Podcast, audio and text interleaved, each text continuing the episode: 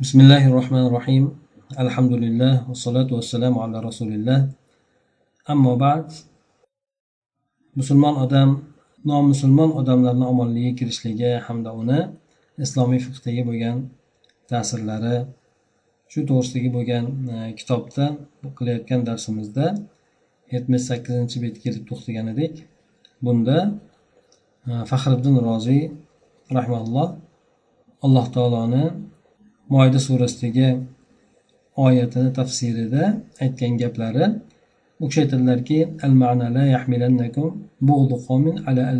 أن تجوروا عليهم وتجاوزوا الحد فيهم بل اعدلوا فيهم وإن أساوا إليكم وأحسنوا إليهم وإن بالغوا في إيحاشكم فهذا خطاب عام ومعناه أمر الله تعالى جميع الخلق بأن لا يعاملوا أحدا إلا على سبيل العدل والإنصاف وترك الميل والظلم والاعتساف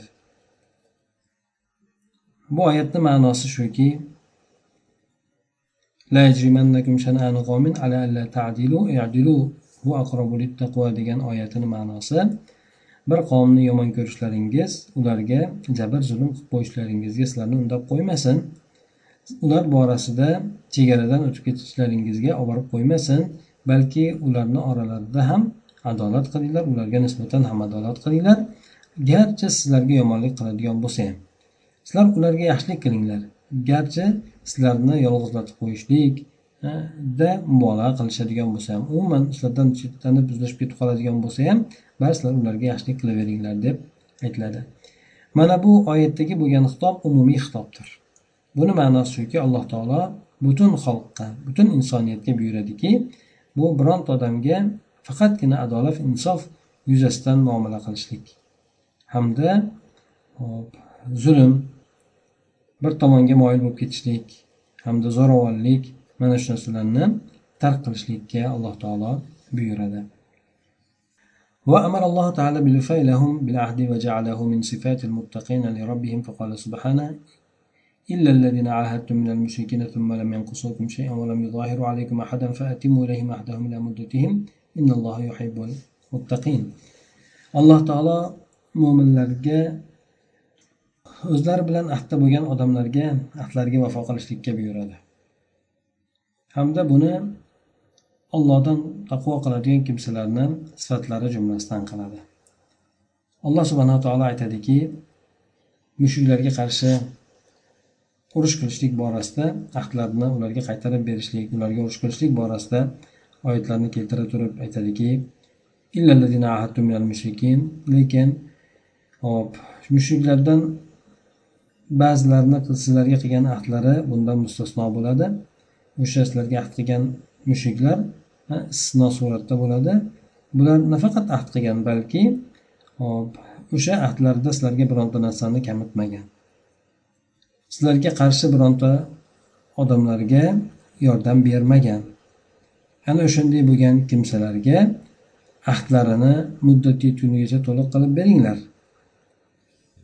albatta alloh taolo taqvodor bo'lgan mana shunday alloh taoloni aytganini qiladigan kimsalarni yaxshi ko'radi deydi demak bu garchi mushuklar bo'lsa ham bularga vafo qilishlik talab qilinar ekan قال رسول الله صلى الله عليه وسلم أيما رجل أمن رجلا على ذمة على دمه ثم قتله فأنا من القاتل البريء وإن كان المقتول kafiran.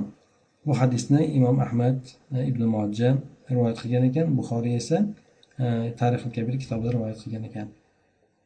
Rasululloh sollallohu alayhi vasallam aytadilarki qaysi bir odam bir odamga qonida omonlik bergan bo'lsa so'ng o'zi o'ldirib qo'ysa o'sha odamni keyin. Payg'ambar alayhisalom aytdilarki men o'sha qotildan pokman bezorman dedi. E, garchi o'ldirilgan odam kofir bo'lsa ham.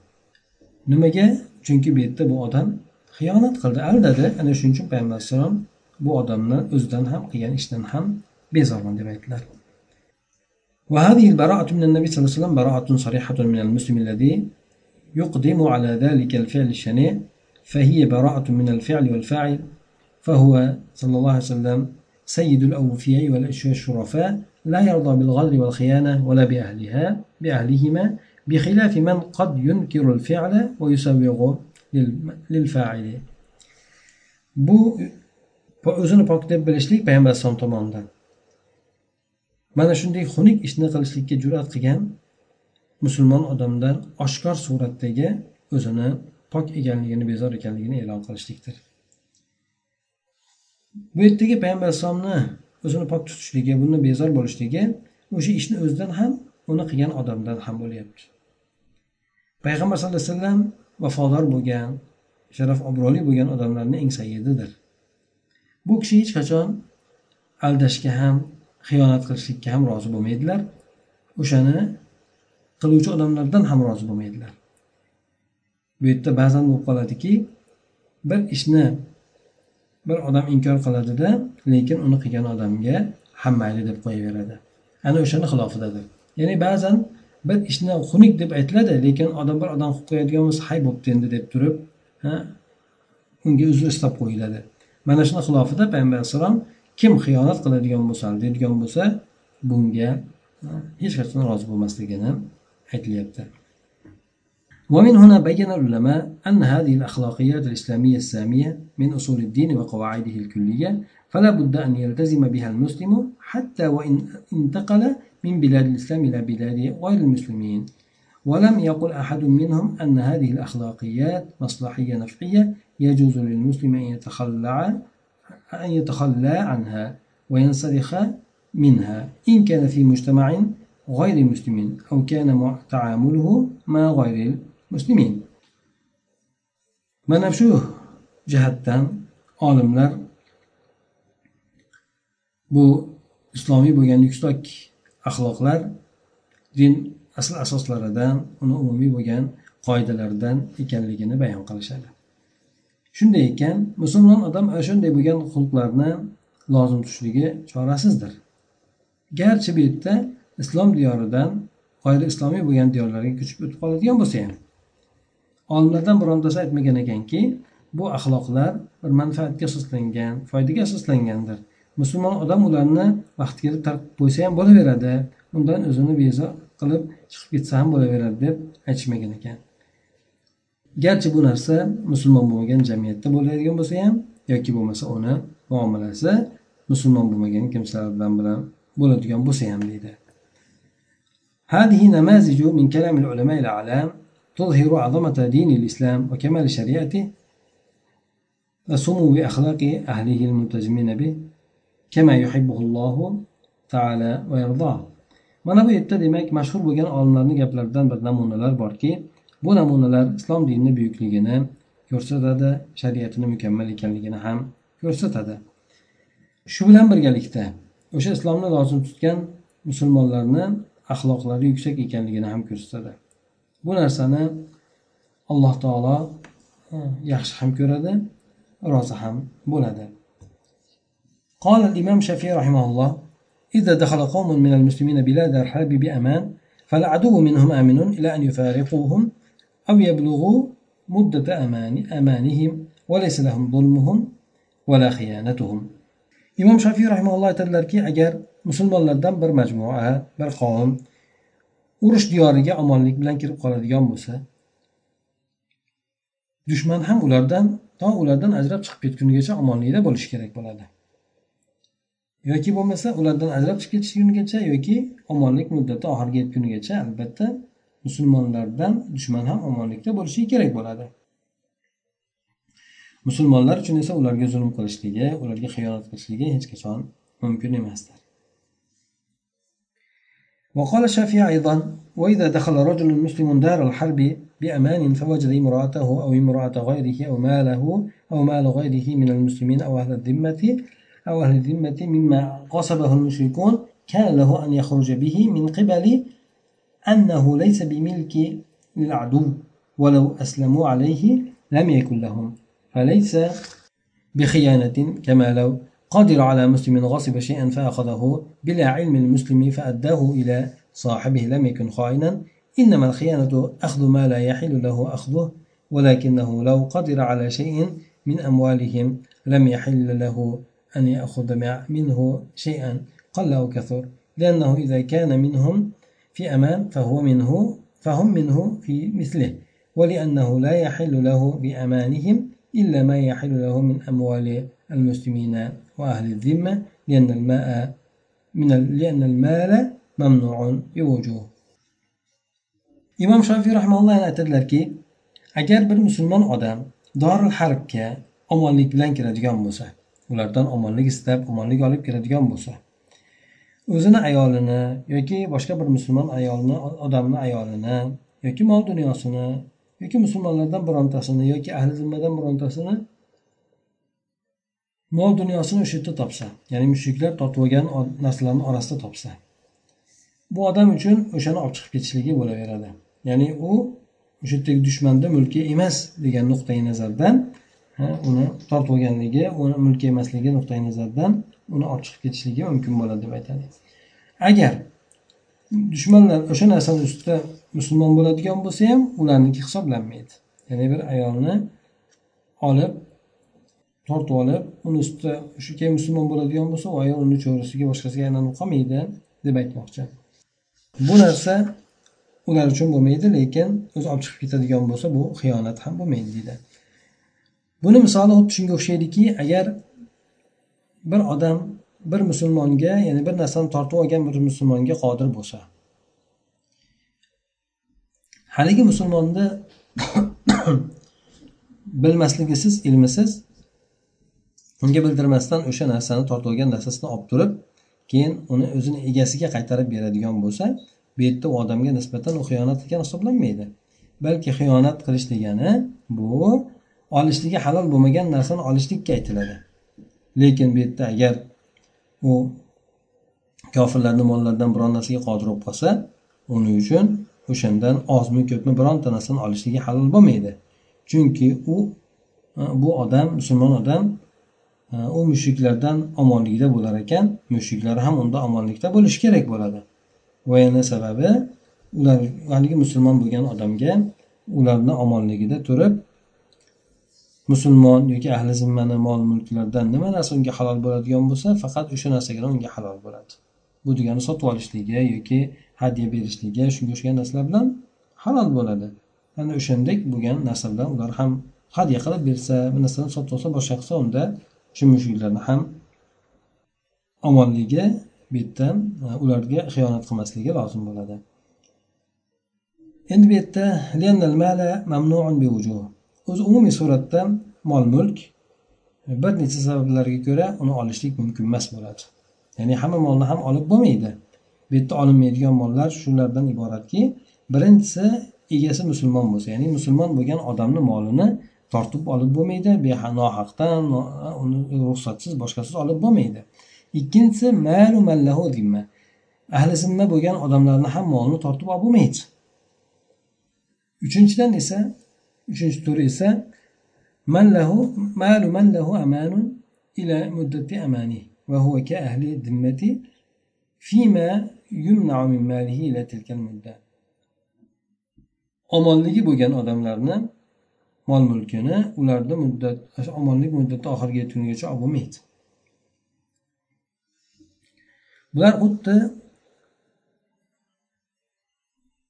moli man qilinishligi borasida ahli zimmaga o'xshab ketadi bu endi albatta o'sha muddatgacha ya'ni qaysi bir muddatgacha ularda ahd bo'ladigan bo'lsa o'sha omonlik ahdi bo'lgan bo'lsa o'sha muddat tugagunigacha ularni mol mulkidan olishlik musulmon odam uchun ham mumkin bo'lmaydi وقال العلامة الماوردي رحمه الله وإذا دخل المسلم دار الحرب بأمان أو كان مأسورا معهم فأطلقوه وأمنوه لم يجوز أن يغتالهم في نفس ولا مال وعليه أن يؤمنهم وقال داود يجوز أن يغتالهم في أنفسهم وأموالهم إلا أن يستأمنوا يستأمنوه فيلزمه الموادعة ويحرم عليه الاغتيال movardiy rahimaulloh aytadilarki agar musulmon odam dorul harbga bir omonlik bilan kiradigan bo'lsa yoki bo'lmasa ularni oldilarida asr bo'lib turgan bo'ladigan bo'lsa ular keyin o'sha asrni qo'yib yuborishganda unga omonlik berishgan bo'pti yuravering deb turib ana o'shanday bo'ladigan bo'lsa bu odam ularga bironta narsada na molida bo'lsin na jonida bo'lsin ularga xiyonat qilishligi mumkin bo'lmaydi. U musulmon odamga ularga ham ularni ham omonlikda qoldirishligi lozim bo'ladi. Lekin dovud zohiriy aytgan ekanki asrdagi bo'lgan odam ularga mollarida jonlarida suiqasd qilishligi yoki xiyonat qilishligi mumkin bo'laveradi. Illo faqatgina istisno surati ular u odamdan omonlik talab qilishgan bo'lsa bunday qilmaydi. Unda musulmondan omonlik so'rashadigan bo'lsa musulmon odam ularga nisbatan urush xatti harakatlarni qilishlikni to'xtatishligi lozim bo'ladi. Muvada degani urush xatti harakatlarini to'xtatishlik degan ekan. O'sha narsa lozim bo'ladi. Va yana unga u odamlarga nisbatan suiqasd qilishlik xiyonat qilishlik harom bo'ladi. وقال العلامة السرخسي رحمه الله والذي دخل من المسلمين دار الحرب بأمان فعليه أن لا يغدر بهم أن لا يأخذ شيئا من أموالهم بغير رضاهم لأنه التزم الوفاء لهم بحسب ما يفون له بخلاف الأسير فيهم. ثم كما لا يجوز للمستأمن للمستأمن أن يقتلهم أو يأخذ مالهم بغير رضاهم لا يجوز له أن يأمر الأسير بذلك لأن فعل المأمور من وجه كأنه فعل الآمر alloma saraxsiy rahmaulloh hanafiy olimlardan bu kishi aytadilarki musulmonlardan kim zoril harbga omonlik bilan kiradigan bo'lsa o'sha kirgan odamga ularga xiyonat qilmasligi lozim bo'ladi ularni mollaridan bironta narsani olmasligi ham lozim bo'ladi ha ularni roziligisiz ruxsatsiz olmasligi kerak bo'ladi. Sababi bu musulmon odam ularga nisbatan vafoni lozim tutgandir. Ya'ni ular unga vafo qiladigan darajada bu ham ularga vafo qilishlik kerak bo'ladi. Bu albatta ularni orasida turgan asrni xilofidadir. Asr bundan mustasno bo'ladi. Ya'ni asr bo'lgan odam omonlik bilan turgan odam hisoblanmaydi. Chunonchi yana omonlik so'rab kelgan odam uchun omonlik olgan odam uchun o'sha omonlik bergan odamlarni o'ldirishligi ya'ni kofirlarni o'ldirishligi ham mumkin bo'lmaydi. Yoki ularni mollarini roziliksiz olishligi ham mumkin bo'lmaydi. Shuningdek bu narsani o'sha yerda turgan asrga ham buyurishligi mumkin bo'lmaydi. Ha o'zi qilmaydi omonlik bilan kirgan odam. O'sha yerda turgan asrga ham o'sha narsalarni aytib qildirishligi mumkin emas bo'ladi. Ya'ni mumkin bo'lmaydi. Chunki buyurilayotgan odam bir tomondan xuddi go'yoki buyuruvchini ishi kabi bo'lib qoladi endi.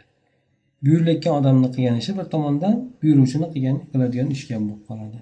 Demak ba'zan o'sha bir narsaga buyuradigan bo'lsa uni qilgan ham buyuruvchi ham ikkalasi ham jazoga loyiq bo'lib qoladi. Ana o'sha jihatidan ikkalasida o'xshashlik bor. Shuning uchun asrga o'zi ham qilmaydi asrga ham u narsani buyurishligi mumkin emas bo'ladi وقال السرخسي أيضا وإذا قتل المسلم المستأمن في دار الحرب إنسانا منهم أو استهلك ماله لم يلزمهم غرم ذلك إذا خرجوا لأنهم لو فعلوا ذلك به لم يلزمهم غرم فكذلك إذا فعل بهم وهذا لأنهم غير ملتزمين أحكام الإسلام في دار الحرب حيث جرى ذلك بينهم وأكره للمسلم المستأمن إليهم في دينه أن يغدر بهم لأن الغدر حرام. قال صلى الله عليه وسلم لكل غادر لواء يركز عند باب أسته يوم القيامة يعرف به غدرته. فإن غدر بهم وأخذ مالهم وأخرجه إلى دار الإسلام كرهت للمسلم شراءه منه. إذا علم ذلك لأنه حصله بكسب خبيث. Saraxsiy rahmanalloh aytadilarki agar bir omonlik so'rab kirgan musulmon odam doril harbda o'sha kofirlardan bironta insonni o'ldirib qo'yadigan bo'lsa yoki birontasini moliga talofat yetkazib qo'yadigan bo'lsa agar ular chiqib ketadigan bo'lsalar o'sha narsani to'lovi unga lozim bo'lmaydi. To'lab berishlik lozim bo'lmaydi. Chiqib ketadigan bo'lsa agar o'sha joydan chiqib ketadigan bo'lsa unga to'lab berishlik lozim bo'lmaydi deb aytadi chunki agar ular u bilan o'sha narsani qilishadigan bo'lsa ularga ham g'urum lozim bo'lmaydi. Ya'ni musulmon bilan ular shuni qiladigan bo'lsa ular ham musulmonlarga o'sha shtrafini yoki bo'lmasa o'sha jarimasini to'lamaydi. Shuningdek ular bilan qilinadigan bo'lsa ham demak ular musulmon bilan qiladigan bo'lsa to'lamaydi. Shuningdek ular bilan qilinadigan bo'lsa ham musulmon odam ularga to'lamaydi deydi. Buni sababi shuki ular ya'ni musulmonlar doril harbda islom hukmlariga lozim emas. Ya'ni hukmlarni joriy qilishlari lozim emas deydi. Ya'ni islom hukmlari e, doril harbda islom hukmlariga multazim bo'lmaydi ular. Ularni o'rtasida joriy bo'lib turganidek bular doril harbda islom hukmlarini lozim tutishmaydi. O'sha narsa ularga lozim bo'lmaydi. Ya'ni islom hukmlari to'liq suratda doril harbda hammasi joriy qilinolmaydi. Doril harb bo'lgandan keyin u yerda ko'p narsalarga rioya qilinadi. Ana o'sha jihatidan endi bir omonlik so'rab kelgan musulmon odam dinida omonlik so'rab kelgan bo'lsa o'sha musulmon odam ularga xiyonat qilishligini kerak ko'raman deb aytyapti. Ya'ni bir odam dinida kofirlarni oldiga kirib ulardan omonlik so'rab qoladigan bo'lsa bir qochoq bo'lib bosh qilib demak o'sha yerda ularga xiyonat qilishligini kerak ko'raman deb bu kishi aytyapti. Chunki bu xiyonat harom hisoblanadi. Payg'ambar alayhisalom aytganlar har bitta xiyonatchini bayrog'i bo'ladi. Uni orqa xiyonat qilayotganda orqa tomondan e, bir bir eshikcha oldida orqa tomonni eshigi oldida E, o'rnatib qo'yiladi. Ya'ni orqa tomonidan e, bog'lab u odamga bir bayroqni ilib qo'yiladi. O'shan bilan uni xiyonati bilinadi deydi. Agar ularga xiyonat qiladigan bo'lsa ularni mollarini oladigan bo'lsa keyin islom diyoriga olib chiqib ketib qoladigan bo'lsa o'zi musulmon bo'lgan odamga agar o'shani biladigan bo'lsa undan sotib olishligini kerak ko'rdim degan ekan. Ya'ni bir musulmon odam kufr diyorida. Bir narsalarni olib xiyonat qilib xullas kalom o'g'irlab bir narsa qilib olib chiqib ketgan bo'lsa kofirlarni mulkini. Ana o'sha narsani bir musulmon odam bilib turib sotib olishligini kerak ko'raman. Shu mumkin emas degan ekan. Chunki u musulmon odam o'sha narsasiga narsasini harom bo'lgan kasb bilan hosil qildi. Harom ish bilan hosil qildi harom yo'l bilan hosil qildi. Undan o'sha narsani sotib olishlikda esa sabab. Mana shundagi sababga uni qiziqtirishlik bo'ladi. Undan sotib olinadigan bo'lsa uni yana u odam shu narsalarga yana jur'at qiladi. Bu esa musulmon odamga makruh hisoblanadi. Ya'ni bir odamni bir yomon ishga undab qo'yishlik musulmon uchun yomon narsadir bo'lmaydigan narsadir makruh bo'lgan narsadir. Bu narsadagi asl mug'irat ibn shoba roziyallohu anhuni hadislari. Bu kishi o'zini sheriklarini o'ldirib keyin lekin ularni mollarini olib madinaga kelib olganda keyin musulmon bo'lgan. Shunda payg'ambar alayhissalomdan ularni mollarini beshdan biri qilib ajratib berishligini olishligini talab qilgan. Ya'ni e, payg'ambar alayhisalom beshdan birini oladi unga beshdan to'ri qoladi. Shuni payg'ambar alayhisalomdan talab qilgan xumusini oling deb turib. Payg'ambar alayhisalom aytgan ekanlarki ammo sizni musulmon bo'lishligingiz mayli maqbul qabul qilinadi qabul qilamiz. Ammo endi siz ulardan tortib kelgan molingiz esa bu xiyonat moli hisoblanadi. Biz uchun u narsada hojat yo'qdir deb aytgan ekan. Demak mana shu yergacha e, darsimizni to'xtatib endi yana davom ettiramiz e, demak bir odam omonlik bilan bir diyorga kiradigan bo'lsa ular omonlik beradigan bo'lsa na molida na jonida ularga xiyonat qilishligi mumkin emas ekan. Chunki bu narsa xiyonat hisoblanar ekan. Chunki omonligida kirgandan keyin ular o'zlari ham mollari ham omonlikda bo'lishi kerak ekan endi. Faqatgina musulmonlarni yoki ahli zimmalarni mollari nima bilan halol bo'ladigan bo'lsa bularni mollari ham shu bilan halol bo'ladi ya'ni oldi sotdi hadya shunga o'xshagan narsalar bilan halol bo'lar ekan. Aks holda esa bu narsalar ularga nisbatan xiyonat hisoblanar ekan. Xiyonatda esa mana payg'ambar alayhisalom hadislari keltirilgan qiyomat kunida uni orqa tomonidan bir bayroqni o'rnatib baylab qo'yiladiki bu palonchini xiyonati deb hammaga ma'lum qilinadi سبحانك اللهم وبحمدك نشهد أن لا إله إلا أنت نستغفرك ونتوب إليك اللهم انفعنا بما علمتنا وعلمنا ما ينفعنا وزدنا علما